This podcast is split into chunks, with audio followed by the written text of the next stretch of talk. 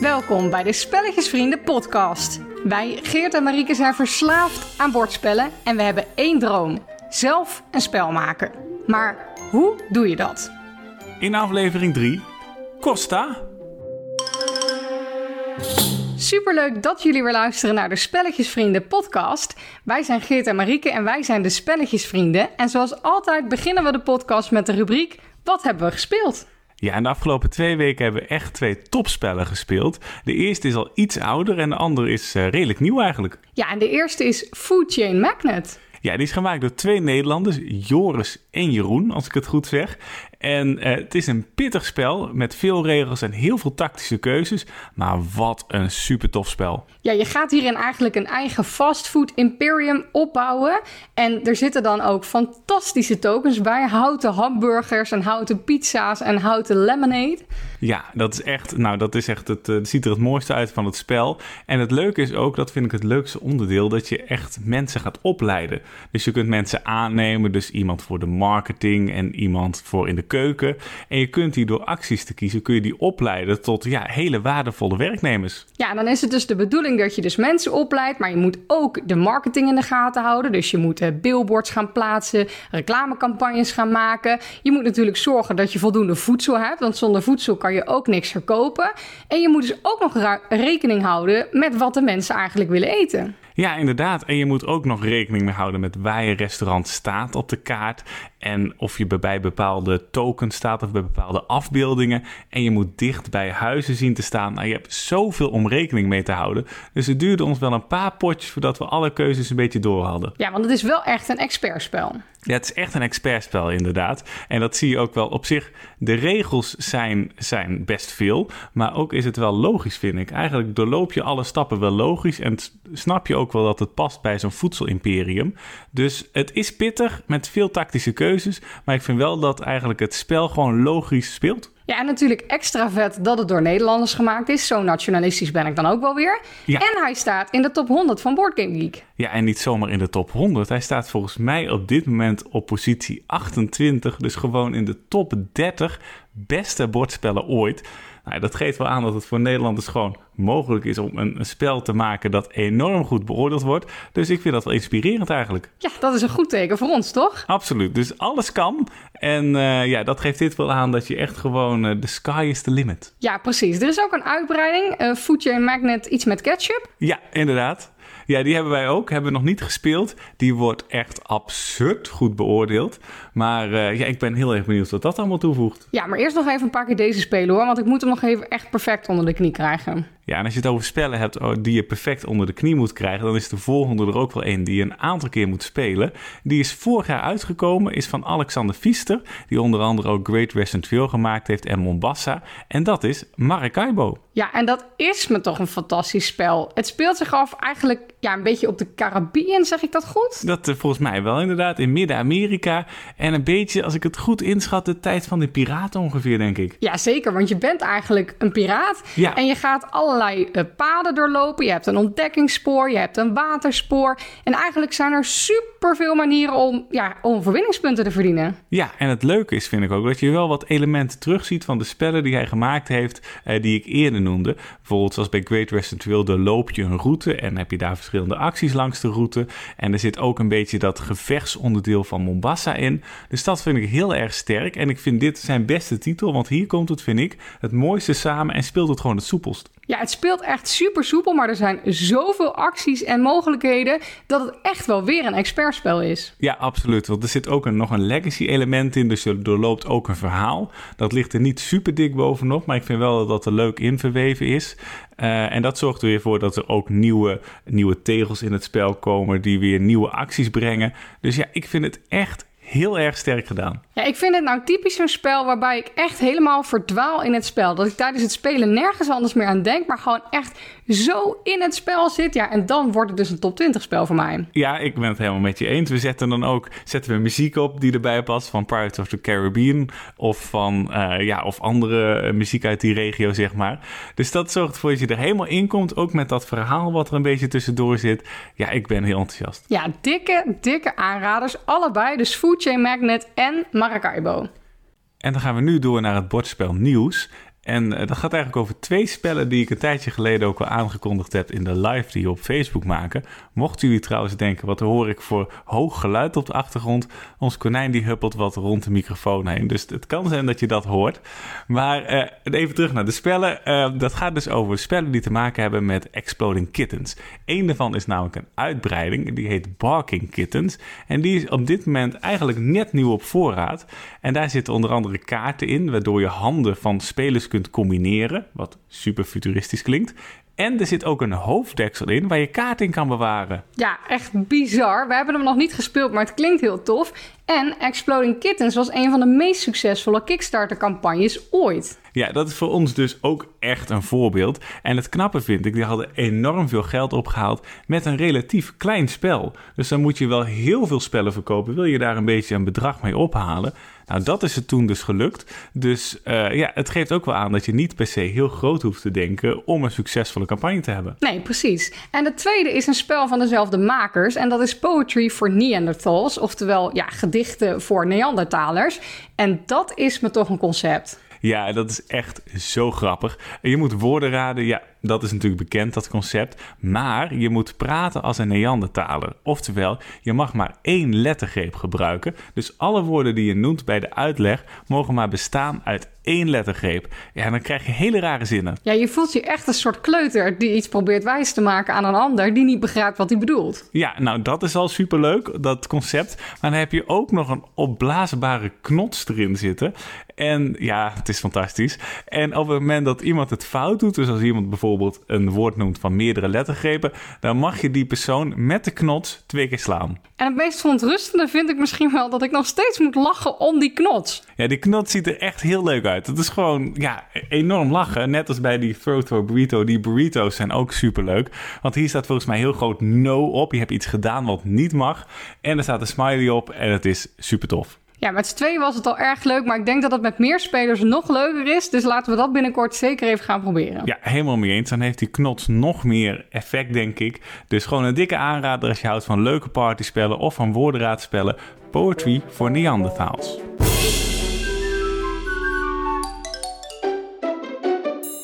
En dan de rubriek waar het allemaal om draait. De spelletjesvrienden maken een spel. Ja, inderdaad. En ik heb heel veel zin in deze uitzending. Want we gaan het namelijk hebben over de kosten van het maken van een spel.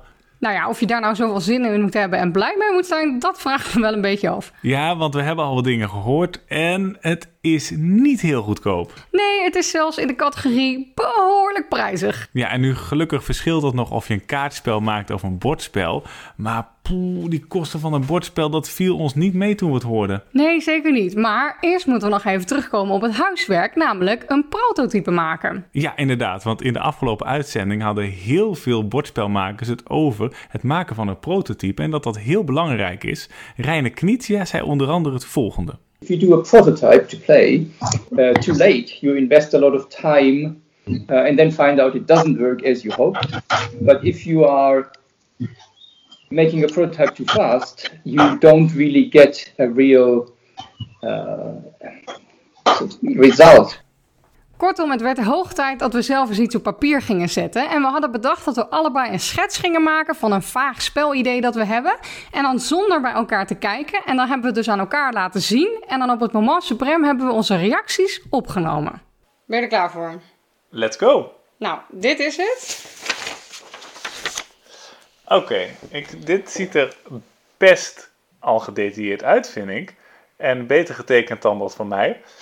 Wat, wat, wat heb je gemaakt? Nou, dat bovenste is dus zeg maar een bord. Ja. Waar je dus overheen loopt naar verschillende plekken. Haha. En zoals je ziet zijn er verschillende sporen. Maar eigenlijk moeten er nog meer dingen tussen. Maar dat kon ik nog niet helemaal bedenken. Haha. Dus dat zou ook best kunnen dat dat stappen zijn waar je ook nog acties uit kan voeren. Zoals hier heb ik dan één stapje gedaan. Uh, maar eigenlijk wil ik daar meer zijsporen. Dus sowieso meer sporen om op plekken te komen. Ja? En dat je dan tussendoor ook nog acties uit kan voeren. Alleen ik wist nog niet zo goed wat. Oké, oké. En dit is dan je spelersbordje. En dit is zeg maar de manier waarop je upgrade. Dus je kan van daar naar daar. Je kan van daar naar daar. Maar dan kan je dus steeds kiezen: ga ik de kant van A op of ga ik de kant van B op? En dit is zeg maar de plek waar je alles verzamelt. Nou, dat is grappig dat je het zegt. Want dit is de mijne. Kijk, hierboven... Wow, wat een boel tekst! Ja, een heleboel tekst dat niemand kan lezen. Maar uh, je ziet hierboven zie je het, het, het bord ook inderdaad. En ik had ook bedacht dat je daar overheen kan gaan lopen om verschillende plekken te bezoeken. En ik dacht misschien is het nog wel leuk dat je op sommige plekken bijvoorbeeld dat je daar sneller loopt dan op andere plekken. Oh ja. Nou ja, wat je ook een beetje bij Scotland Yard hebt. En ik had ook een spelenbordje met, met aan de ene kant waar je dingen kan upgraden en aan de andere kant waar je wat dingen kan verzamelen, zeg maar. Dus ik denk dat we al aardig overeenkomsten hebben. En ik had ook nog bedacht dat er zeg maar in ieder geval iets met kaarten is en een open markt waar je kaarten kan kopen. Ja, maar ik heb dat dus op het bord. Kijk, dit Oh ja. zijn allemaal kleine open marktjes. En dan kan je dus elke keer kiezen, pak je een open of pak je een dichte van de stapel. Nou, volgens mij zitten we aardig op één lijn. Ja, nu hier nog één ding van maken. Nou, onze eerste schets staat dus op papier en dat is natuurlijk allemaal nog super vaag. Maar hoe voel je dat om dat te doen? Ja, heel leuk. Vooral omdat we dus pas op het laatst lieten zien aan elkaar wat we hadden bedacht. En om dan te kijken, oké, wat is hetzelfde en wat zijn de verschillen. Maar het is natuurlijk nog niet echt een prototype, want daar ga je echt mee spelen. Nee, inderdaad. Dus zover zijn we nog niet. En het ideetje wat we hadden is natuurlijk nog super vaag. De afgelopen weken hebben we misschien ook wel vijf ideeën gehad of weet ik het wat. Dus dat zegt nog helemaal niks. Maar het was inderdaad leuk om die manier het gewoon op papier te zetten. Dat het iets duidelijker voor jezelf wordt wat je nou precies bedacht hebt. Ja, dus ik ben heel benieuwd wanneer we ons eerste echte prototype gaan maken. Maar volgens mij is het nu tijd voor een hele belangrijke vraag in dit hele avontuur. Wat kost het maken van een bordspel? Ja, we hebben al heel vaak laten vallen, net nog, dat het heel veel geld kost. Maar hoeveel geld kost het nou precies? Ja, die vraag stelden we aan verschillende Nederlandse uitgevers. En als eerste hadden we een heel uitgebreid antwoord van Wim Tavernier. Die kun je misschien kennen van Tavern Games, daar is hij de eigenaar van. En die heeft onder andere Raccoon Tycoon uitgegeven. Hoeveel geld zou je moeten uittrekken om een spel te maken? Nou, hè, dat zijn dus. Er wordt ook gevraagd een verschil, eh, een, een, een eh, onderscheid te maken tussen kaartspel en een bordspel. Nou, een bordspel is natuurlijk veel duurder. Nou, eh, laat ik dan ervan uitgaan dat je een, eh, een spel ontwerpt. wat eh, zo, nou, een beetje lijkt op eh, Rovers van de Noordzee of Raccoon Tycoon. Zo'n spel van ongeveer, eh, een adviesprijs van ongeveer 40 euro.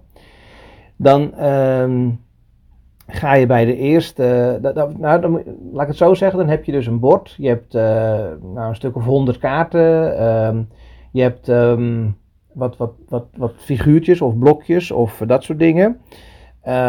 Nou, dat kost allemaal een hele hoop geld om te ontwerpen. Hè, daar heb je dus een, een, een- artist voor nodig. En nou, dat ligt eraan eh, hoe goed, hoe bekend hij is. Eh, en ehm, als, als zij eh, heel erg bekend is, omdat ze bijvoorbeeld al, eh, ik zeg maar wat, een, groot bekend spel heeft gemaakt, zoals Terraforming Mars of, of dus Raccoon Tycoon of wat dan ook. Ja, dan, dan is dat veel duurder dan dat je bijvoorbeeld iemand die vers van de, van de academie afkomt inhuurt. Alleen ja, dan weet je niet zeker of het net zo goed wordt. Dus dat is een beetje lastig. Maar dat, daar moet je dus zeker rekenen op, eh, nou, minimaal eh 2 en maximaal eh 10.000 euro. En dan voor een kaartspel is het natuurlijk minder, want dan heb je alleen maar plaatjes op kaarten. Op kaartjes. En dat ligt er ook aan of je heel veel dezelfde kaarten hebt. Stel je hebt een deck van 100 kaarten en er zitten 12 eh, dezelfde acties of karakters of zo in. Ja, dan hoeft dat niet 12 keer een ander plaatje te zijn. Dus dan is het natuurlijk ook weer goedko- goedkoper. Maar elk plaatje kost zo op zijn aller, aller, aller goedkoopst 100 euro. En dan heb je een, echt een hele goedkope. Dus heb jij 100 verschillende plaatjes. Nou, dan hoef ik je niet te vertellen hoeveel dat dus al is. Ehm, nou, dan heb je natuurlijk een producent die het maakt. Oh ja, eerst nog de graphic design. Nou, wederom, dat is dus ook duurder als het een bekend iemand is. Maar ja, dan is, wordt het misschien wel mooier gemaakt. Dat kost dus ook nou, duizenden euro's. Dat kost zo, nou, minimaal toch wel 2.500, 3.000 euro om alles dus netjes te maken en, eh, ehm, en eh, zo te maken dat het past qua eh, doos. Hè. Stel je hebt een deksel van een doos, dan wordt, dan wordt dat in één klap ge- gegraphic designed. Hè. Dus ook de hoekjes die je omvouwt, wat dus de zijkanten van de doos worden. Dat moet ook dat- en dat luistert heel nauw, dat is heel precies werk. Het is niet zomaar een invulprogrammaatje op, eh, op, je, op, je, op je Apple machine. Nee, dat is echt wel een stuk, eh, stuk moeilijker dan dat. Dus eh, ja, dat, dat maakt het heel erg, heel erg duur. En dan moet je het nog laten maken. Nou, en, en dat, dat, als je dat bij een Chinese fabriek laat maken, dan is dat, ehm, ja, ook heel erg prijzig natuurlijk. dat gaat altijd in dollars. En dat, nou ja, moet je, je moet zo nagaan dat een spel in China laten maken zo'n kleine 10 dollar kost. Als je een beetje een gemiddeld spel hebt wat de, wat de verkoopwaarde van zo'n 40, 50 euro heeft. Wow, en dat zijn dus alleen nog maar de kosten vooraf. Dus dan is er nog niks geproduceerd. Dan heb je het echt over het artwork, het ontwerpen, het maken van een prototype, dat soort kosten. Ja, en als ik dan bijvoorbeeld denk aan een Kickstarter-campagne, dan denk ik dat je op moet vallen met fantastisch artwork en ook met heel veel artwork. Als je bijvoorbeeld denkt aan Museum, dat is een bordspel dat op Kickstarter was. Nou, daar zitten enorm veel plaatjes in. Ik denk echt honderden. Maar als dat dus duur is en ook toch nog eens door iemand gemaakt is die bekend is, dan is dat een enorme kostenpost. Ja, volgens mij zaten daar 200 afbeeldingen in. En het nadeel is ook dat als je bij Kickstarter het doet, dan is natuurlijk het idee dat je het geld eerst binnenhaalt en het spel dan pas produceert. Maar zoals je al zegt, dan moet je het artwork natuurlijk wel af hebben. Dus dan zitten er al nou, misschien wel 10.000 euro kosten in aan alleen het ontwikkelen van het spel. Ja, inderdaad. Dus dat is wel iets om echt rekening mee te houden. Je kunt niet zomaar met een schetsje eh, daar naartoe gaan naar Kickstarter. Je hebt al heel veel kosten, dus dat is iets uh, om in de gaten te houden. Ja, grappig dus dat dat artwork... Kijk, ik had wel bedacht dat het veel geld kostte. En misschien als ik er beter over na had gedacht... dan had ik dit wel kunnen weten. Maar ik, je staat er gewoon niet zo bij stil... hoeveel mensen er nou eigenlijk aan een spel werken. Nee, inderdaad. En je kunt ook niet meer zonder. Ik bedoel, twintig jaar geleden kon dat nog prima... en kon je ook een spel uitbrengen dat er misschien iets minder gelikt uitzag. Maar op dit moment komen er zoveel fantastische titels online. Uh, ja, dat je gewoon anders helemaal wegvalt. Ja, artwork is echt een super belangrijk onderdeel van het spel. En wij zeggen ook zelf: het spel moet goed zijn als we zelf een spel spelen. Maar als het artwork tegenvalt, ja, dan is dat echt een minpunt, hoe goed het spel ook is. Ja, en je zegt een minpunt. Ik denk zelfs dat als het er niet mooi uitziet, dat we het niet meer kopen. Ik denk dat je er niet eens meer aan toe komt. Het valt niet meer op. Je pakt het, je pakt het niet meer. Nee, inderdaad. Want we hadden het volgens mij vier weken geleden over uh, spellen die een lelijke box hebben, maar die toch heel erg goed zijn. Toen noemden we onder andere Hansensteden. Maar dat spel, ja, ik denk dat het op dit moment, gewoon een aantal jaar later, is het alweer zoveel verder ontwikkeld, dat we het op dit moment niet meer zouden kopen. Nee, precies. Dus dat artwork is super belangrijk en super duur. Maar goed, dat moet je er dan maar voor over hebben. Inderdaad. Maar goed, we gaan natuurlijk niet over één nacht ijs en we willen nog meer meningen horen. Dus we stelden dezelfde vraag aan Alexander Kneepkens. Hij is de Nederlandse uitgever van Jolly Dutch, die onder andere Charted en Herlof uitgeeft. En het leuke over Herlof nog even. Gisteren hoorden wij dat hij gewoon genomineerd is voor het speelgoed van het jaar. Als ik bijvoorbeeld kijk naar het, Herlof-spel uh, uh, wat we net hebben ontwikkeld dat is eigenlijk een, uh, qua elementen een heel simpel spel. Uh, er zitten kaarten in, een notitieblokje en uh, spelregels. We hebben dan wel eh, drie keer de spelregels, zodat we zes stalen hebben voor een achterkant. En we hebben wat extra kaarten erbij zitten. en het zit allemaal in een heel simpel doosje. Ja, dan hangt het er weer vanaf hoeveel stuks je gaat produceren. Maar hou grofweg aan. Voor duizend stuks bij een Chinese fabrikant kom je op 3 eh, euro uit productiekosten. Uh, bij een Nederlandse producent voor duizend stuks misschien 4 euro, 4,50 euro. Um, over het algemeen, als je dan naar meer stuks toe gaat, uh, bijvoorbeeld 10.000 stuks, dat hebben we net voor Herlof gedaan, dan kom je echt gelijk een stuk goedkoper uit. Dus 10.000 stuks voor Herlof bij onze Chinese fabrikant. Puur de productiekosten zitten we rond de euro. En dat is toch een stuk lekkerder. Je moet het dan natuurlijk nog wel naar Nederland toe krijgen. Je moet het nog wel uh, importeren en dus importrechten erop betalen. Die transportkosten moet je niet onderschatten. En je hebt natuurlijk nog de kosten van het ontwikkelen van het artwork. Um, maar die artwork-kosten hangt er ook vanaf hoe je dat weer aanvliegt. Voor Herlof hebben we gekozen voor een artist die uh, werkte op uh, dagloon. Dus daarmee spraken we een aantal dagen af dat hij aan het artwork zou werken. En daarvoor kreeg je dan gewoon uh, betaald uh, per factuur.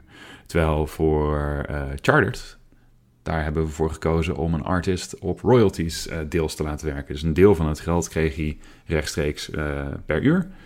En een deel is afhankelijk van de verkopen van Chartered. Um, maar als je kijkt naar de kosten van Chartered uitgeven bijvoorbeeld, de mallen die we hebben laten maken voor de plastic huisjes die erin zitten en de plastic vlaggetjes die in het spel zitten, um, waren we, geloof ik, rond de 10.000 euro kwijt alleen voor de mallen. Um, ja, daarvan hebben we maar 3000 chartered gemaakt. Ehm, dus dan kan je je voorstellen, alleen al die mallen, dat loopt al goed in eh, de kosten. En dan zit er ook nog een bord in, eh, spelersborden. Dan zit er nog een stuk of 160 kaarten, geloof ik, in. Dan zit er nog een aandelen, eh, een beursbord in. Er zitten nog meer elementen in, zoals eh, geld. Dat zijn eh, vier, of nee, drie drukborden, dus punchboards, die je zelf moet uitdrukken. Ja, de kosten gaan dan snel lopen. Dus ja, stop je alle kosten erin, dan kan je rustig het hebben over eh, 20 euro kosten bij zo'n lage oplage. Eh, maar een volgende druk van Charted zou natuurlijk weer een stuk goedkoper gaan worden. Omdat je dan de mallen al hebt en gebruik kan maken van bestaand artwork. Dus een tweede druk gaat altijd weer fijner zijn. Ja, dat is dus wat we bedoelen met een flinke kostenpost. Ja, zeker als je zo'n mooi bordspel maakt zoals Charted, waar wat leuke elementen zitten, zoals een huisje, wat je ook denk ik echt nodig hebt om succesvol te zijn op Kickstarter. Maar dan zit je dus ongeveer op 20 euro aan kosten per spel. Nou, hij had het over een afname van 3000 stuks. Dan heb je het gewoon over 60.000 euro. Ja, laat dat even op je inzinken. 60.000 euro. Ja, nou, ik weet niet hoe het met jullie zit, maar wij hebben natuurlijk vier webshops. Al het geld wat we binnenkrijgen investeren we direct weer in een bedrijf. Naast natuurlijk een spaarrekening voor onszelf. Maar ik heb niet echt 60.000 euro over. Nee, dus als we zo'n bordspel willen maken, waar we eigenlijk, als we eerlijk zijn, het aan het begin wel een beetje aan dachten, ja, dan moeten we nu al een enorme spaarrekening aan gaan leggen. Ja, eigenlijk wel. Ja, of dus een Kickstarter. Maar goed, dan moet je dat artwork dus al wel uitgegeven hebben. Dus dilemma's, dilemma's. Ja, inderdaad. Maar gelukkig is er ook een alternatief. Eh, dat is namelijk gewoon een goedkoper kaartspel. Ja, of een roll and write of zo. Zoiets inderdaad. Dus daar kun je nogal wat op de kosten besparen. Dat is ook wel veel goedkoper. Dus dat is ook een optie. Ja, maar is het net zo leuk? Ja, goede vraag. Wij denken toch snel aan de wat grotere bordspellen. Die staan ook hoog in onze top. Maar er zijn ook wel echt goede kaartspellen. Waar je het voornamelijk moet hebben, denk ik, van de originele mechanismen. Zodat je opvalt eh, bij alle andere kaartspellen die er al zijn. Ja, en draw and write vinden we natuurlijk ook superleuk. Roll and write vinden we leuk. Maar ja, het, het is toch wel een droom om uiteindelijk, misschien niet als eerste spel, maar uiteindelijk ook echt een bordspel te hebben. Ja, nou, gelukkig was er iemand die daar iets anders over denkt. Dat is namelijk Alon Nier. Hij is van de uitgeverij Formula Games en die maakt voornamelijk educatieve spellen. En hij had het erover hoeveel dat nou, hoe dat nou zit als je een kaartspel maakt. Dat heeft hij namelijk gemaakt. En daar spraken we hem over. Het is wel belangrijk om ja, grote aantallen te, in grote aantallen te, te, te denken. Eh, want anders dan ja, zijn de productiekosten gewoon heel erg hoog. Eh, dus ja, mijn eerste batch was 10.000 spellen. En dan praat je toch over een behoorlijke investering. Ja, dus bij kaartspellen moet je echt denken in grote aantallen. 10.000 kaartspellen. Ja, dat zijn er een hele hoop. En Alexander had het erover dat je dan ongeveer bij dat aantal kunt denken aan zo'n euro per stuk aan productiekosten. Maar er zit nog niet het artwork bij, nog niet de verzendkosten, nog niet eh, de invoerrechten. Dus daar kom je veel hoger uit. En van mensen hebben we gehoord dat je dan toch ook wel moet denken aan zo'n 4 euro per stuk. Ja, dus dan zou je 40.000 euro uitgeven.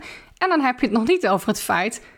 Raak je 10.000 kaartspellen kwijt? Ja, dat is echt pittig. Dat lijkt me in Nederland, ja, ik weet het niet zeker om, maar dat lijkt me echt heel moeilijk. Dus dan moet je al internationaal gaan denken. Ja, precies. Nou, ik denk dat dat zeker als je op Kickstarter gaat sowieso wel een dingetje is. Dat het ook of alleen of ook geen idee in het Engels is. Ja, inderdaad. En het scheelt natuurlijk dat als je op de kaarten weinig tot geen tekst hebt en je doet er handleidingen bij in verschillende talen, dan is dat redelijk makkelijk op te vangen. Maar alsnog 10.000 stuks kwijtraken. Ja, dat is veel hoor. Dat is echt een hele hoop. Behoorlijke uitdaging. Ja, dus ik ben heel benieuwd of dat ons gaat lukken. Of dat we toch met een draw write eindigen. Ja, of toch gewoon dood of de gladiolen een bordspel gaan maken. Ik ben heel benieuwd.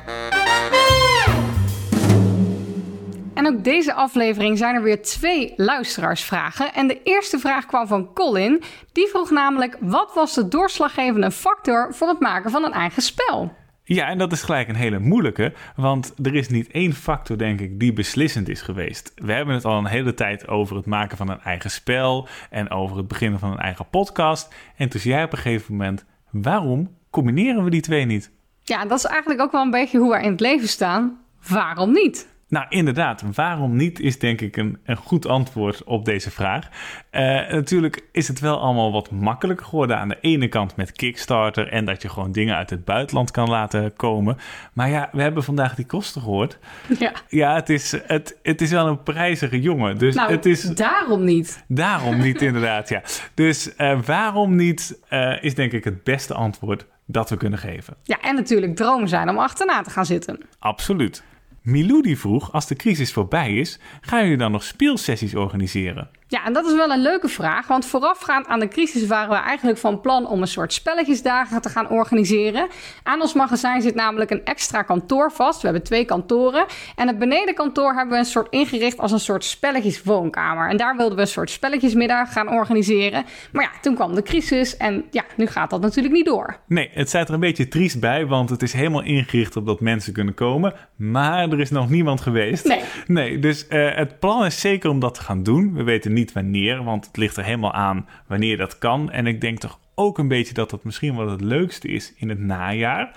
Dus we moeten even kijken wanneer, maar het plan is nog zeker. Ja, maar er is niet zoveel ruimte dat je makkelijk op anderhalve meter afstand kan gaan zitten met mensen. Dus helaas moeten we toch echt even wachten tot dat allemaal een beetje voorbij is. Maar het plan is er zeker om in de toekomst dus ja, een soort speelsessies te gaan organiseren. Het lijkt me ook super leuk om jullie te ontmoeten. Mensen die we vaak in de live spreken, om die echt eens een keer in het echt te zien en een spelletje met ze te spelen.